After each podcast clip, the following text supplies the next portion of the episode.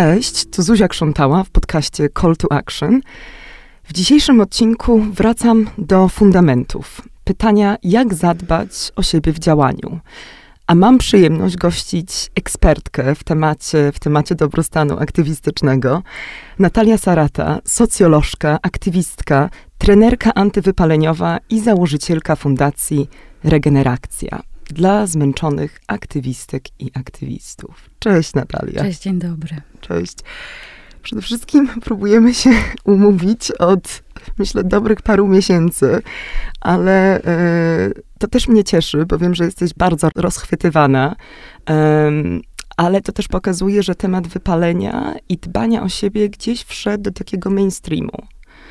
Y, że nie jest to już oznaka słabości, że gdzieś zmieniło się nasze podejście do tego. I e, też czuję, że to powinien był być trochę otwierający odcinek tego cyklu, e, bo, bo właśnie pytanie, jak pomagać z głową, jak mądrze, jak mądrze zarządzać swoimi zasobami, czasem, energią, e, no to jest clue tego mojego podcastu. Czyli tak może, jak to właśnie robić? Ojej. E, ja mogę opowiedzieć o tym, co mi pomaga, albo co mm, wspiera różne osoby zaangażowane w działania społeczne, w aktywizm różnie nazywany, mhm. ale co sobie wezmą z tego osoby słuchające, e, to już e, po ich, po waszej stronie rzecz. Także dlatego, że co jednym pomaga, dla innych będzie wyzwaniem dociążającym, przeciążającym. I ja się bardzo ucieszyłam, jak zaczęłaś od tego, że to jest taki temat, który wszedł do mainstreamu. Ja się um, tak do tego odniosę, że zależy gdzie. Hmm. Młodsze pokolenie osób zaangażowanych społecznie um, mają ten temat bardzo mocno na radarze i to jest wspaniałe. To um, przynosi mi nadzieję na taką być może długodystansową strategię działania różnych ruchów społecznych starsze pokolenia często mają, tak generalizuję oczywiście, ale um, większe wyzwania widzę u tych osób, które są wychowane e, ciągle jeszcze, to też nie dziwne, w takim nurcie społecznikostwa, jako samo poświęcenia się mm. siłaczek, matek Polek, doktorów Judymów um, i martyrologii czy męczennictwa. Czyli też tak, taka, taka indywidualna, indywidualne działanie, nie myślenie o tym e, jako jakiś kolektyw, jako wspólnota, jako, jako budowanie struktur i społeczności. Powiedziałabym, że to są takie e, symbole, czy takie e, jakby m, kulturowe toposy. Mhm. Mam nadzieję, że to dobra nazwa. Tak. Mm, które są kolektywne i które nas zobowiązują do tego, żeby właśnie tak postrzegać działanie, że my musimy się spalić dla dobra ogółu, poświęcić na rzecz sprawy ważniejszej niż ja sama, że ja muszę ponieść taką cenę, że to jest oczywiste i taki koszt jest zawsze, czy ma być zawsze związany z zaangażowaniem społecznym.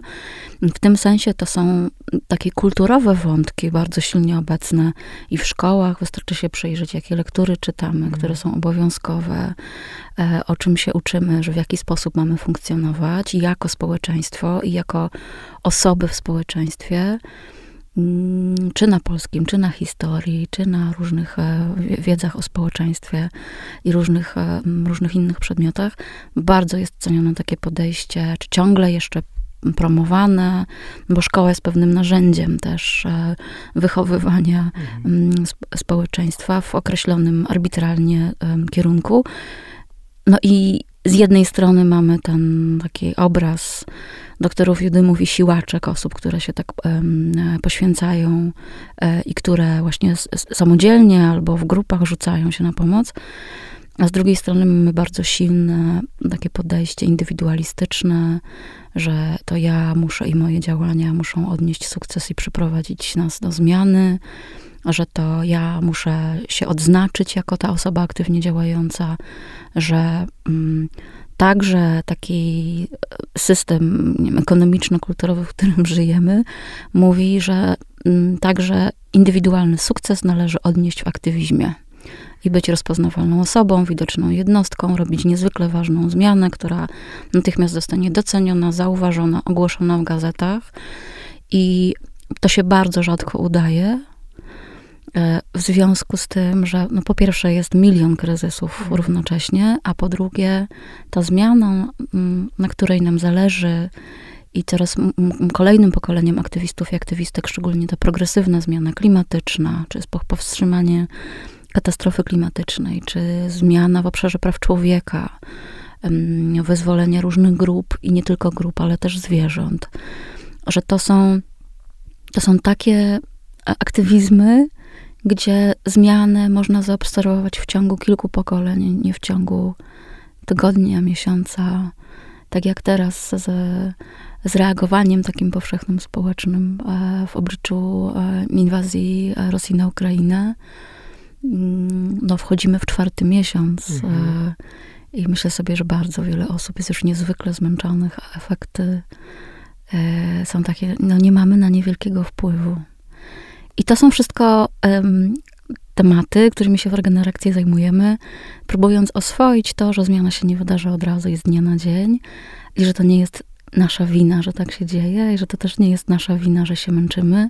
Zmęczenie jest zwykłym stanem organizmu, ale też, że jak się prze, jesteśmy przeciążani, wypalane tym kontekstem społecznym, to nie dlatego, że jesteśmy jakoś uszkodzone czy niewystarczająco silni, chociaż tutaj rycerz na białym mm. koniu i e, tam e, ta e, wolność na barykadach, to takie bardzo mocne symbole, ale to nie jest e, to, to, że się przeciążamy, że jesteśmy zmęczeni, że się wypalamy, że po bardzo intensywnej mobilizacji nie jesteśmy się w stanie zmobilizować kolejny raz, kolejny dzień, że to jest to zwykła rzecz, bo nie, jest, nie możemy funkcjonować ciągle w trybie kryzysowym. Po prostu nasze organizmy nie ewoluowały tak. do tego.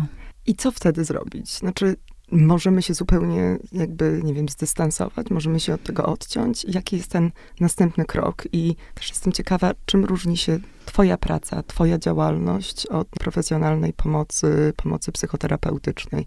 Na jakim etapie dobrze jest rozpoznać, że, że właśnie potrzebujemy wsparcia psychoterapeuty? To nie musi być wsparcie psychoterapeuty potrzebujemy przede wszystkim świadomości, że to się może wydarzyć, że możemy się wypalić, że taki rodzaj funkcjonowania na bardzo wysokich obrotach, który utrzymuje organizm w stanie no, kryzysu, mhm. e, mobilizowania siły, energii, uwagi, e, mocy, no, przeróżnych mm, e, zasobów, potencjałów, które mamy, że to jest niezwykle wyczerpujące i może trwać krótko. Mhm. Czyli też chodzi o takie po prostu wewnętrzne, wewnętrzne przyzwolenie, że też mam swoje granice i że nie jestem w stanie zrobić wszystkiego. Tak, i że jak się czuję zmęczona, to nie dlatego, że ja jestem mniej wytrzymała czy wytrzymały niż inni, tylko że ta sytuacja, z którą próbuję się zmierzyć albo próbujemy się zmierzyć w grupie, jest niezwykle przeciążająca. Jeśli to są takie sytuacje jak pandemia, albo wojna, albo różnego rodzaju kryzysy indywidualne czy grupowe, globalne, to bardzo często nie będzie tak, że będziemy się w stanie przeciwstawić i powstrzymać natychmiast, od razu kryzysowe sytuacje, które się dzieją i trwają. I to, co można zrobić i to, co można robić, żeby powstrzymać wypalanie się całych grup i w efekcie często odpadanie ludzi z zaangażowania, to świadomość, że na fali entuzjazmu, kiedy się rzucamy do działania, organizujemy się, żeby wspierać innych, pomagać tym, którzy są w kryzysie, kiedy nas niesie adrenalina i taki high, nie musimy spać, nie musimy jeść, nie jedziemy siku, nie musimy się napić wody, niczego takiego, że nasz organizm jest w trybie awa- jakby, mm, nie tyle awarii, co e, reagowania na kryzys, emergency, tak? tak? Że my jesteśmy w walce, bo jesteśmy w ucieczce na takim bardzo fizjologicznym poziomie. Mhm. I wtedy to, co musimy robić, to jest działać i oddychać, ale trawienie, regeneracja, wyciszenie, relacje z innymi, e, długoterminowe myślenie to nie działa. I pierwszym takim krokiem, on zwykle jest zaskakujący dla osób czy grup, z którymi pracuję czy wspieram mnie w takich sytuacjach przeciążenia aktywizmem, albo pracuję też z takimi osobami, które nie chcą wejść w te mhm. miejsca, albo chcą pomóc swoim grupom, żeby tam nie, nie dotarły, to mówię o tym, że wypalanie się w aktywizmie po pierwsze jest możliwe, nawet jak się robi to, co się kocha i to, co niesie taką falą, i to jest właśnie ten moment i to miejsce w życiu, kiedy ja się czuję spełniony, czy kiedy czuję, że żyję w pełni, e, że jestem nie wiem, przydatna, wartościowy, mm, że to, co robię, ma sens, że już wtedy e, mogą zadziewać się takie procesy, mm. które prowadzą do wypalenia. No tak, bo karmisz się tą emocją, tylko tą emocją i niczym innym. E, I w końcu przychodzi moment, kiedy ciało nie daje rady. I co wtedy właśnie? Mhm. Czy już jest wtedy za późno? Znaczy, nie. czy jest moment, żeby się zatrzymać? Nie. Myślę, że można zrobić różne rzeczy. Na pewno to, co, o czym warto pamiętać, to to, że ja mogę zrobić sobie przerwę i że przerwa e, w trakcie, a nie po fakcie. To też jest mhm. taka maksyma, którą powtarzam. Mm być może części osób znana, że przerwa jest czymś, co jest bardzo wspierające dla osób, które my wspieramy. Przerwa to może być kilka dni w nie działaniu, tylko w próbie wyhamowania i regeneracji. To może być e, jeden dzień na wyspanie się i też złapanie kontaktu ze swoim innym życiem, tym, które czeka, aż wrócimy z tego biegu i uciekania przed e, lwem albo gonienie antylopy, bo to jest to dla naszego organizmu. Tylko my to robimy przez trzy tygodnie, albo teraz przez trzy miesiące, albo przez jeszcze więcej, jak niektórzy. Mm, ta przerwa będzie owocna i wspierająca nie tylko dla nas, ale także dla ludzi, których wspieramy, dlatego że jeśli to miałby być argument na rzecz zrobienia sobie przerwy i odpoczęcia, że jesteśmy bardziej przytomni, sprawni intelektualnie, y, mamy większy dostęp do kreatywności, wymyślania nowych rozwiązań, istniejących problemów, że jesteśmy bardziej, kiedy jesteśmy bardziej zregenerowane, to łatwiej być w grupie z innymi, budować relacje, wymieniać się informacjami, być w sieciach współpracy. E, obniża się wtedy takie nasze zmęczeniowe wybuchanie na, na najdrobniejszą prośbę e, i podwyższają się nasze zasoby poznawcze, także takie jakby potencjał poznawczy, mm, chociażby związany z percepcją. Mm, podaję taki przykład um, bardzo zmęczonych kierowców wożących ludzi z granicy mhm. polsko-ukraińskiej, czy wspierającej ludzi na granicy tej drugiej, gorszej, mhm. polsko-białoruskiej. E, osoby, które e, niezwykle zmęczone przez wiele miesięcy w, w stanie emergency, takiej totalnej pilności spraw, w ratowaniu życia, e, niezależnie od własnej woli, to nie mają nic wspólnego z silną wolą, E, nagle tracą przytomność, mhm. albo zjeżdżają z drogi, wioząc ludzi, albo mm, no nie wiem, dostają ataku paniki, albo przestają w ogóle być w stanie wchodzić w taki pozytywny, wspierający kontakt z ludźmi, z których wspierają. No i to, choćby to nie jest dobre, już nawet nie tylko dla nas, ale też wystawia na różne ryzyka i zagrożenia osoby, które e, chcemy wspierać. Mówisz tutaj o takich nawet wręcz fizycznych objawach. Czy ty także pracujesz z ciałem? Czy są jakieś metody właśnie obniżania, y, obniżania stresu, radzenia sobie z napadami lękowymi, paniki w takich właśnie sytuacjach ekstremalnych? Ja bardzo wspieram e, kontakt z ciałem i budowanie takiego rozpoznania, w czym ja jestem, żebyśmy nie musiały, nie musieli reagować w sytuacjach krytycznych, kiedy ciało nam odmawia w ogóle współpracy. No my jesteśmy tym ciałem, więc mhm. sami sobie a tej współpracy odmawiamy w takim geście ratunkowym. Mm, ale e, ciało jest ważne także w takim sensie, bo zwróciłaś uwagę na ten fizyczny aspekt, e, że ono bardzo jest doświadczane, jest takim kanałem, w którym się skupia ten przekaz wypalających czynników, które docierają z zewnątrz. I znowu to nie jest tak, że my jesteśmy słabi, to się mm. wypalamy, tylko ta sytuacja, której staramy się stawić czoła, jest przeciążająca na bardzo wielu poziomach. No, emocjonalnie też niepokój, niepewność, niejasność, strach, lęki, nie wiadomo co będzie za chwilę ze mną, e, z moimi bliskimi, czy to w pandemii, czy w wybuchu wojny, czy w sytuacji, no nie wiem, takiego politycznego szczucia na osoby mm -hmm. z grup mhm. mniejszościowych, e, albo co będzie ze mną, skoro za 10 lat już nie da się powstrzymać katastrofy mm -hmm. klimatycznej. Z nami wszystkimi przede wszystkim. Tak jest, co będzie... Wszystkich tak, nas to dotyczy. Tak. No i trudno nie, nie, nie znaleźć się w takim stanie kryzysowym, czy w lęku, w panice. I to ciało nam podpowiada, w jakim jesteśmy miejscu, jeśli chodzi o nasilenie tego przeciążenia, ale też ciało może być taką drogą powrotu do, e, czy zatrzymania się i regeneracji. Bo to jest to takie najbliższe, co mamy ze sobą. Czy to przez oddech, e, ja często powtarzam, że mamy ze sobą takie narzędzie e, regeneracji i aktywacji do działania. I ono jest stale obecne, jak go nie ma z nami. To znaczy, że nas też już na, na tym świecie nie ma. Bo w oddechu są co najmniej dwie fazy. Jedna to jest wdech, tam gdzie ciało jest pobudzane do działania i się uruchamia ta część układu nerwowego, który nas angażuje, który nas tak stawia do działania i do mierzenia się z wyzwaniami.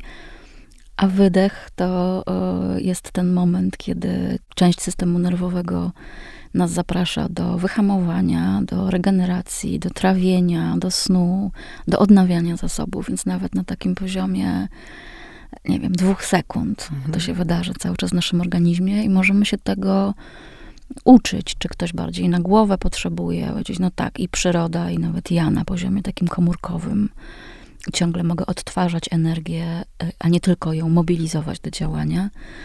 Mm, ale też e, ruch w ogóle jest takim czynnikiem, znowu w związku z takim no, saczym po prostu modelem wyewoluowania naszego układu nerwowego, hormonalnego, naszego ciała, ruch jest takim czynnikiem, czy takim procesem, który pomaga mm, zrzucać stres, że tak powiem generalizująco.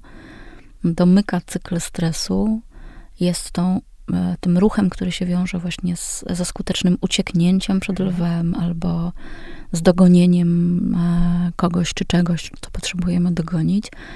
I ten ruch jest sygnałem dla organizmu, że um, wychodzimy z zagrożenia. Mhm bardzo wielu osobom, tak namawiam ciebie, czy osoby, które nas słuchają, żebyście sobie przeanalizowały, czy um, w sytuacjach stresowych na przykład podejmujecie taką decyzję spontaniczną o posprzątaniu całego mieszkania, albo o wyszorowaniu wanny, albo o tym, żeby iść pobiegać, albo żeby iść potańczyć, albo żeby wywrzeszczeć. I mhm. ten, ta ekspresja głosem połączona też z wibrowaniem komórek ciała. Śpiew w chórze jest też wspaniałym takim mm. regenerującym doświadczeniem. Czy rower, czy yoga, kiki. Mm, to, to nie musi i wręcz nie powinien być ultramaraton, bo to mm. znowu organizm po tej drugiej stronie walczy o, e, o przeżycie ale taki codzienny ruch, spacer z psem, a jeszcze z to psa się można przytulić, więc mhm. dostarczyć mu tego kontaktu wytwarzającego oksytocynę, która obniża kortyzol, hormon stresu, jeden z hormonów stresu. Ruch jest e, w samym takim korze, w centrum wspierania siebie w regeneracji. Czyli jest to wszystko, co możemy też robić po prostu codziennie, prewencyjnie, coś, e, co może być częścią naszej rutyny, coś, co może nam też pomóc zbudować taką odporność, prawda, że kiedy przyjdzie kryzys, będziemy mieli i też już wypracowane jakieś mechanizmy radzenia sobie z tym stresem.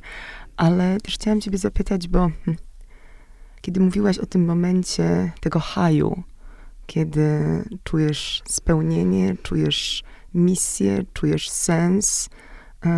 Ja pamiętam, że w tych pierwszych paru tygodniach ja nigdy nie byłam tak skuteczna odpisywałam na wszystkie wiadomości, odbierałam wszystkie telefony, byłam cały czas dostępna. Tutaj chciałam tylko zaznaczyć, że bardzo mi się podoba, że jak się z tobą kontaktuję, to y, od razu przychodzi wiadomość i masz taki właśnie disclaimer, że dbając o swój dobrostan, nie odpiszesz od razu. To mi się podoba, bo stawiasz właśnie granice. nie musisz się tłumaczyć, nie musisz nikomu, nikomu przepraszać. Yy, nie czujesz też strasznego poczucia winy, które przychodzi, kiedy o, zalewają cię nagle wiadomości. O, tutaj się mylisz. A tutaj, tutaj się mylisz. Czujesz? Dobrze, ale... W takim sensie, że jakby wiem, że powinnam na nie odpowiedzieć i że osoby czekają na tę odpowiedź, a ja mam inne rzeczy do zrobienia. No właśnie, ale też żyjemy, yy, tak. znaczy w dzisiejszych czasach jest um, oczekiwanie, że jest się cały czas tak. dostępnym i na wyciągnięcie ręki. Tak. Jak stawiać granice? Bo wydaje mi się, że, że, że, kiedy jest ten moment, moment palący, to to nie jest miejsce na stawianie granic. Może być. Może być.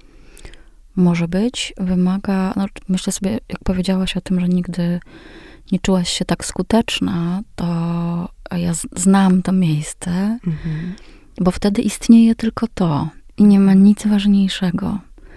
Po jakimś czasie może się okazać, że wszystkie inne aspekty mojego życia gdzieś są, nie wiem, niezaopiekowane, e, porzucone, zostawione, nie ma na nie czasu, mm, bo możemy być skuteczni e, i skuteczne tak intensywnie i na, takim, na takiej energii, na takiej adrenalinie, ale przez krótkie okresy czasu.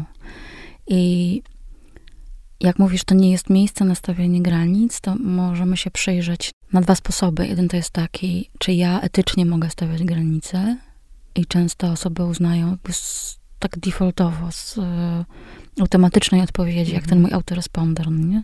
Mhm. że oczywiście, że nie można stawiać granic. Że ludzie potrzebują, są ważniejsi, inne te sprawy są ważniejsze. Czasem trzeba, bo jak nie pośpię po 24 godzinach dyżuru, nie postawię tej granicy i będę pracować kolejnych 8, nic dobrego z tego nie wyniknie. I tutaj chcę też jakoś wejść na chwilę na taki poziom, o którym bardzo rzadko pamiętamy. To jest to, że działając, my nie działamy sami i same. Zawsze działamy w jakimś kontekście, czy w grupie, w kolektywie, w organizacji, w samo, grupie, która się samo zorganizowała, albo już wcześniej istniała na okoliczność takich wydarzeń. I że to nie jest tylko moja odpowiedzialność, żebym ja się teraz wzięła za fraki i przetransportowała do łóżka, tylko to, co jest też wyrazem troski e, i odpowiedzialności w zarządzaniu nie tylko sobą, ale też jakby zarządzaniu sobą nawzajem w takim kryzysowym momencie, to jest też budowanie takiej normy, w której nie możesz wziąć więcej niż ileś tam. Że mamy zasadę w grupie, że nie bierzemy dyżurów dłuższych niż 10 godzin. Nie ma takiej możliwości, że robimy sobie przerwy, cokolwiek by się nie działo. Musimy sobie zrobić przerwę, bo za chwilę padniemy i już nie wrócimy na kolejny dyżur. Więc stawianie granic nie byłoby wtedy takim, że jest nieetyczne, niemoralne, że są ludzie, którzy potrzebują. Ja bym mówiła tak, właśnie dlatego, że ludzie potrzebują, to musimy nawzajem o siebie zadbać i zadbać o siebie indywidualnie również, żeby być jak najdłużej dla tej sprawy, czy dla tych społeczności, wspólnot ludzi, którzy nas potrzebują. I już pewnie zauważyła, że ja cały czas nawiązuję, czy jakby wracam do tego momentu, kiedy my jesteśmy w tym bardzo intensywnym działaniu i jest ten high entuzjazm, adrenalina. Tam już zaczynamy. W trakcie, a nie po fakcie. Tak, i w trakcie jest też na, na entuzjazmie, bo potem przychodzą kolejne e, etapy takiego przeciążania czy wypalania indywidualnie i w grupach, i to będą frustracje, że nie da się pomóc wszystkim, że nie da się załatwić wszystkiego, że tu mamy ograniczenia, że lepiej nie będzie, albo że tu jest nasza granica też wydolności, że mamy wielkie ambicje, ale nie mamy możliwości zrobić więcej, tak jak sobie wymyśliłyśmy, czy wymyśliliśmy. Przychodzi też większa wiedza o tym, jak się sprawy rzeczywiście mają i czego, czego nie mogłyśmy wiedzieć na samym początku. A potem, jeśli ta sytuacja trwa i ta, um, te różne przeszkody, bariery, wezwania nie są adresowane, jesteśmy zmęczeni czy zmęczone, także jako grupa, pojawia się taka faza stagnacji, takiego um, oś, nie wiem, czy to jest dobre słowo, osiadnięcia, takiego przyklejenia się do podłogi trochę. Nie, to nie jest um, oswojenie. To nie jest też, um, szukam słowa polskiego, numbness. Wiem. też nie mogę. Po prostu czuję to uczucie. Tak. Um, to jest też Takiego chyba słowo na o. Otępi- To nie jest tak, że myśmy oswoili to i gdzieś to właśnie znormalizowali. To jest chyba po prostu, to, to nas tak po prostu przerasta. Tak. To jest próba uratowania siebie. I wszyscy się wtedy wypisują. I tym bardziej, jeżeli czujesz ciężar odpowiedzialności, e, to tym bardziej to ciąży, wiedząc, że się zostało samemu. Albo, że się wypisało. Żadna pozycja, czy, czy jeszcze w, czy już e, na zewnątrz, czy między tu a tam, nie jest wygodną pozycją w tej sytuacji. Dodaje poczucia winy, dodaje Mm. wstydu, do- dodaje poczucia bezradności, bezsilności. Nie chcemy być w tym miejscu. Więc albo zbyt długo unikamy poczucia bezradności i bezsilności, no bo też dlaczego my się rzucamy do działania? Między innymi dlatego, ze względów etycznych, moralnych, nie wiem, ludzie cierpią, należy Mhm. działać, trzeba działać, tak mnie wychowano. Różne tutaj kawałki się włączają, ale także dlatego, że podjęcie działania, jakiegokolwiek działania, pomaga chociaż trochę odzyskać poczucie sprawczości. Absolutnie. I jak obserwowałam energię i moc w różnych grupach, e, która się wtedy wyłaniała, to czułam w tym ogromną podmiotowość, sprawczość,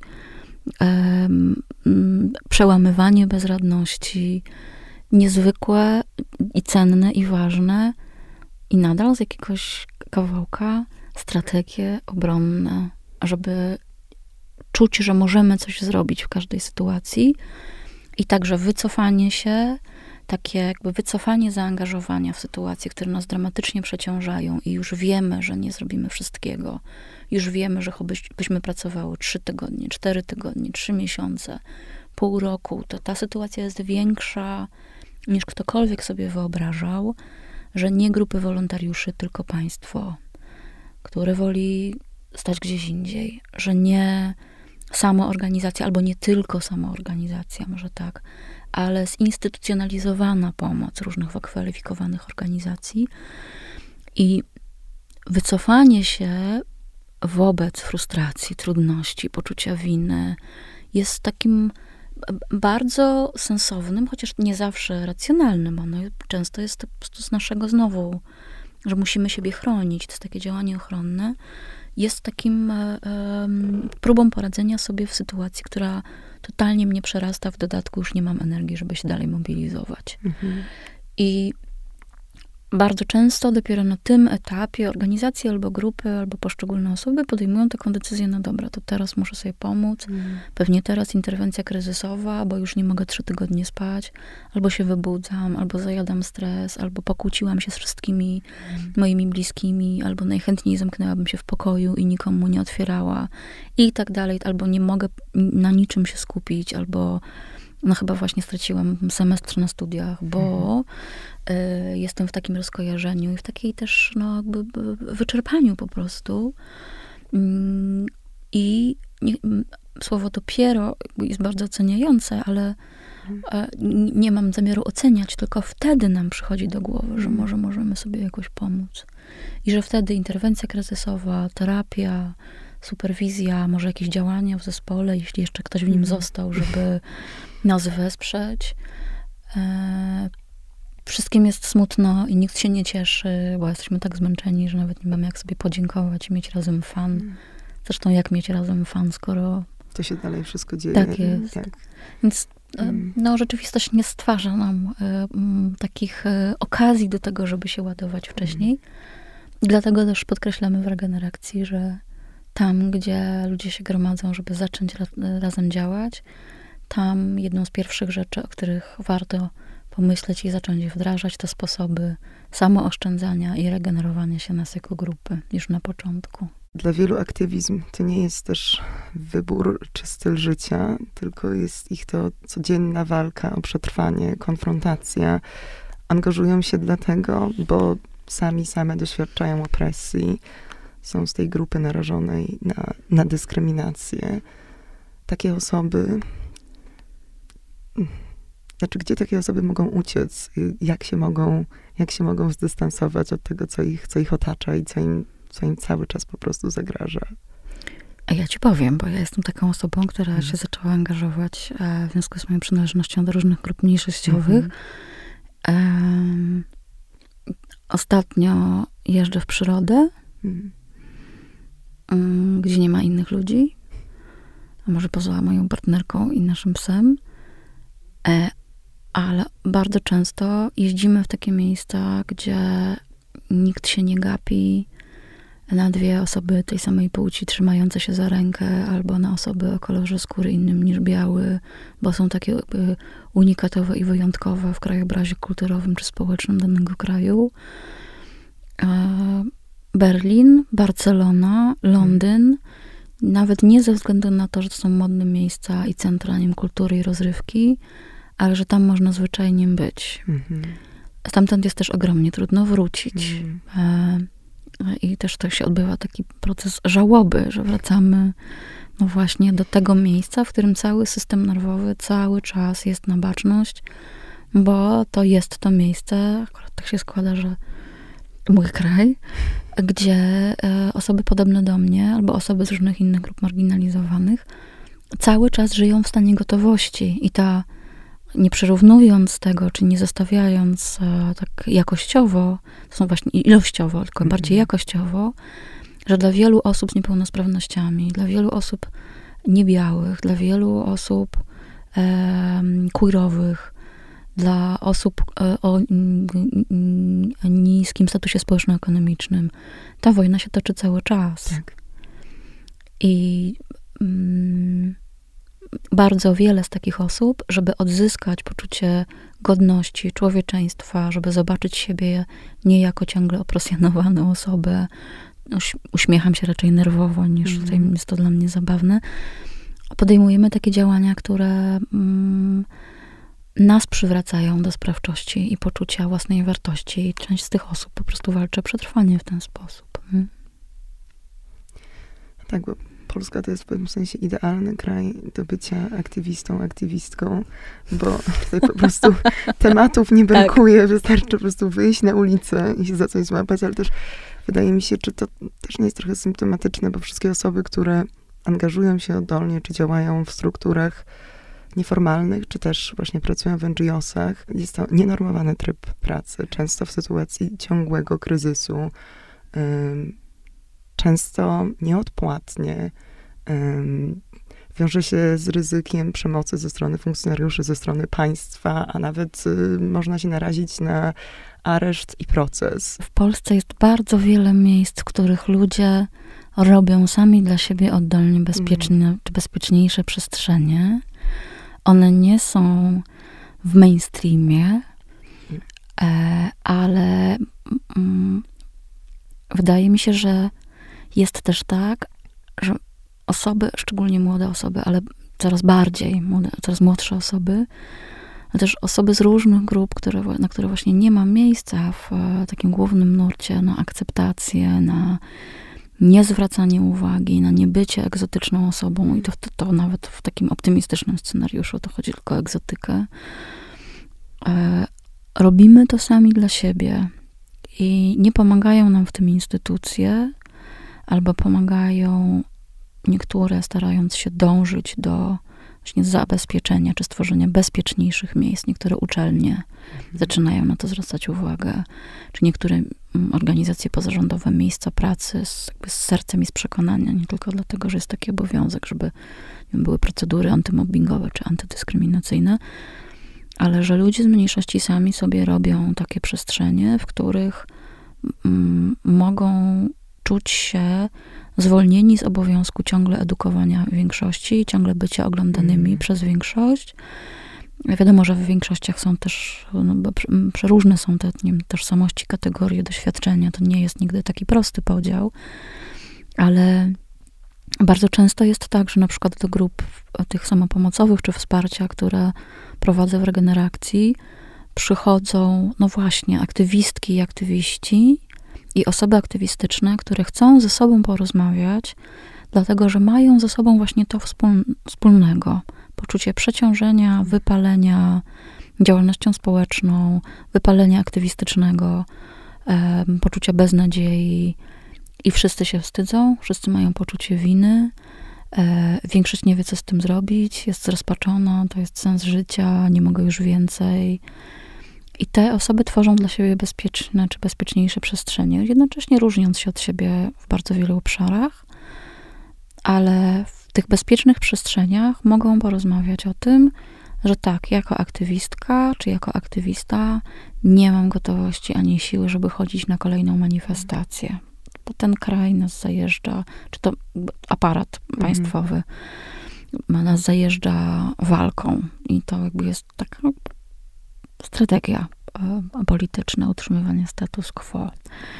Ale my robimy sobie te przestrzenie, mm, serdecznie do nich zapraszam, także dlatego, że w społecznościach aktywistycznych są bardzo różne, wyśrubowane normy tego, jak trzeba być w aktywizmie i jakim trzeba być spiżowym, nie człowiekiem, tylko pomnikiem, osobą aktywistyczną, że my możemy widzieć siebie nawzajem i nie musieć się usprawiedliwiać, uzasadniać, że jestem bardzo zmęczona, bo już tyle zrobiłam, tylko rzeczywiście usłyszeć swoje historie, podzielić się doświadczeniem, podzielić się wątpliwościami, zadać jakieś pytania sobie nawzajem, razem spać, albo właśnie nie robić, albo oprzeć się bardzo fizycznie o siebie.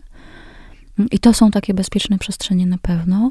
Dla bardzo wielu osób kolektywy, grupy, organizacje, szczególnie takie, które są powołane do tego, żebyśmy mogli siebie widzieć i ze sobą rozmawiać, i ewentualnie razem coś zrobić, to są takie miejsca. One są kontrkulturowe, one są poza mhm. głównym nurtem, ale zdecydowanie jest to tak, że powstają i ja jestem zachwycona, teraz może zabrzmi w głowie jak jakaś taka nie wiem, weteranka aktywizmu,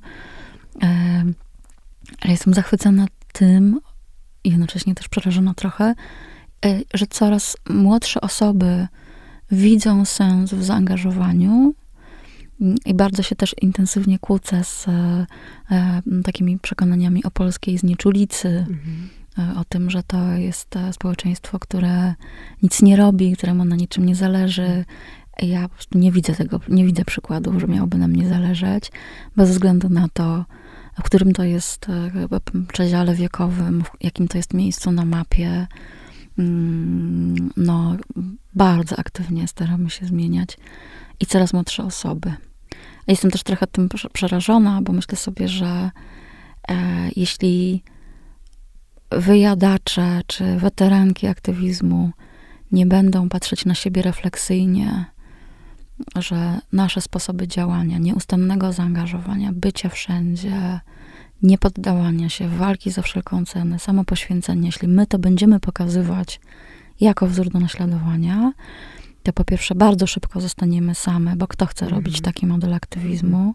Młodsze pokolenia aktywistów i aktywistek i nie tylko bardziej mają taki kawałek, e, że szybciej mają ustawione często granice. Oczywiście nie zawsze, znowu jakaś mhm. generalizacja.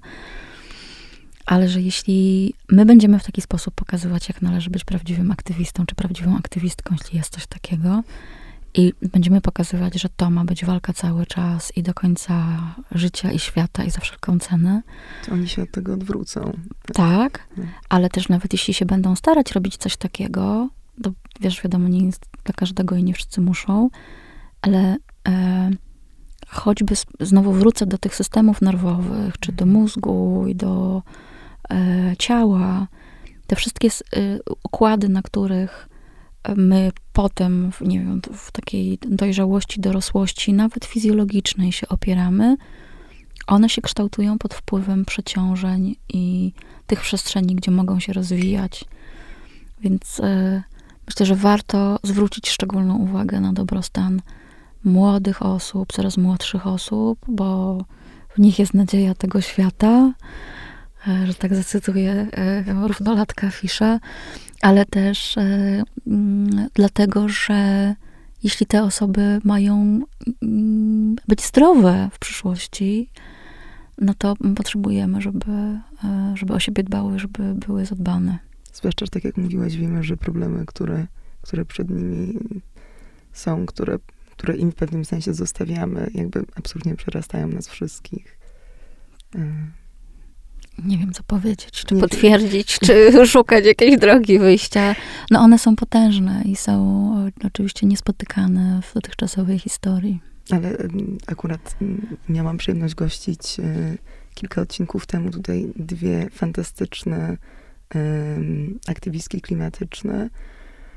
Wiktoria Jędroszkowiek i Dominika Lasota, pozdrawiam was dziewczyny, które w tym momencie właśnie zrezygnowały ze swoich studiów, bo po prostu pełni się oddały temu, co robią. I to też wydaje mi się, że z jakimś stawianiem granic, że wiedzą, że do studiów mogą zawsze wrócić, a, a w tym momencie wywalczenie embargo i nacisk na, na, na politykach europejskich jest dla nich najważniejszy. I są teraz właśnie w trasie w Brukseli i są niezatrzymywalne. Po prostu podziwiam je.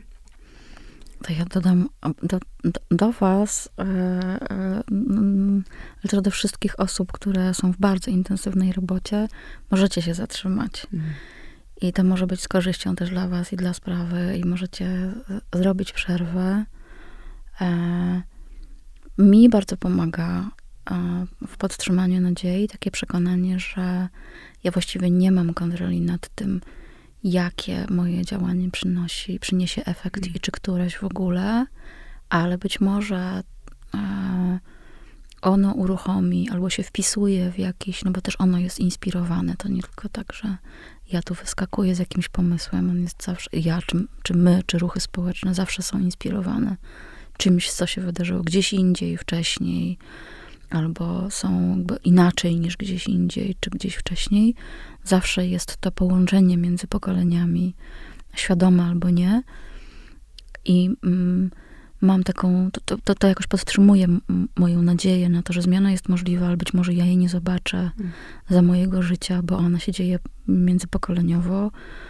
Pierwsze studentki na Uniwersytecie Jagiellońskim, który kończyłam z końcówki XIX wieku, nie miały pojęcia, jakie rzesze kobiet e, jakby wejdą na ten uniwersytet. Nie widziały tego efektu, mm, same zresztą wchodząc w bardzo dorosłym czy dojrzałym mm, wieku studiując. I mam taką nadzieję i tak to mi daje energii, że nawet jeśli ja w którymś momentach swojego wiem, życia aktywistycznego miałam takie poczucie wszechmocy, ale też takiego nadzobowiązania, że wszystko ode mnie zależy, mhm. że jeśli nie ja, to kto, to takie poczucie, że cokolwiek zrobię, to doda się jakoś do tej drabiny, którą budujemy, do tej zmiany, no, to to mnie też zwalnia z takiego e, zadania bycia zawsze dostępną, zawsze w kontakcie, zawsze w odpowiedzi, bo być może właśnie to, że nie ja odpowiem tym razem, zrobi miejsce dla kogoś innego, kto odpowie i przejmie tę historię, że to też jest jak mówi moja przyjaciółka Agnieszka Kozakoszczak, to jest sztafeta, nawet nie mm. maraton. Sztafeta, nie maraton, tak. Bo to jest bardzo, teraz takie, i ja się bardzo cieszę, że to jest mm. nie sprint, tylko maraton, bardzo mądre. A Agnieszka jeszcze dodaje, tak, mm. a, a ponieważ to taki wielki, takie wielkie wyzwania mamy przed sobą, to możemy wrócić z tą i przejąć tę pałeczkę od kogoś, możemy ją też komuś oddać. Mhm. Bez, bez poczucia winy. Zapraszam do tego. Strasznie Ci dziękuję. Czuję się właśnie zwolniona z poczucia winy i podbudowana. I masz też cudownie kojącą obecność. Y, mam nadzieję, że to, mm. że, że, to się słyszy, y, bo ja to czuję tutaj właśnie w studiu nagraniowym. Ale Natalia, bardzo, bardzo Ci jestem wdzięczna, że znalazłaś ten czas dla mnie. Dziękuję. Bardzo dziękuję za zaproszenie, dziękuję za rozmowę.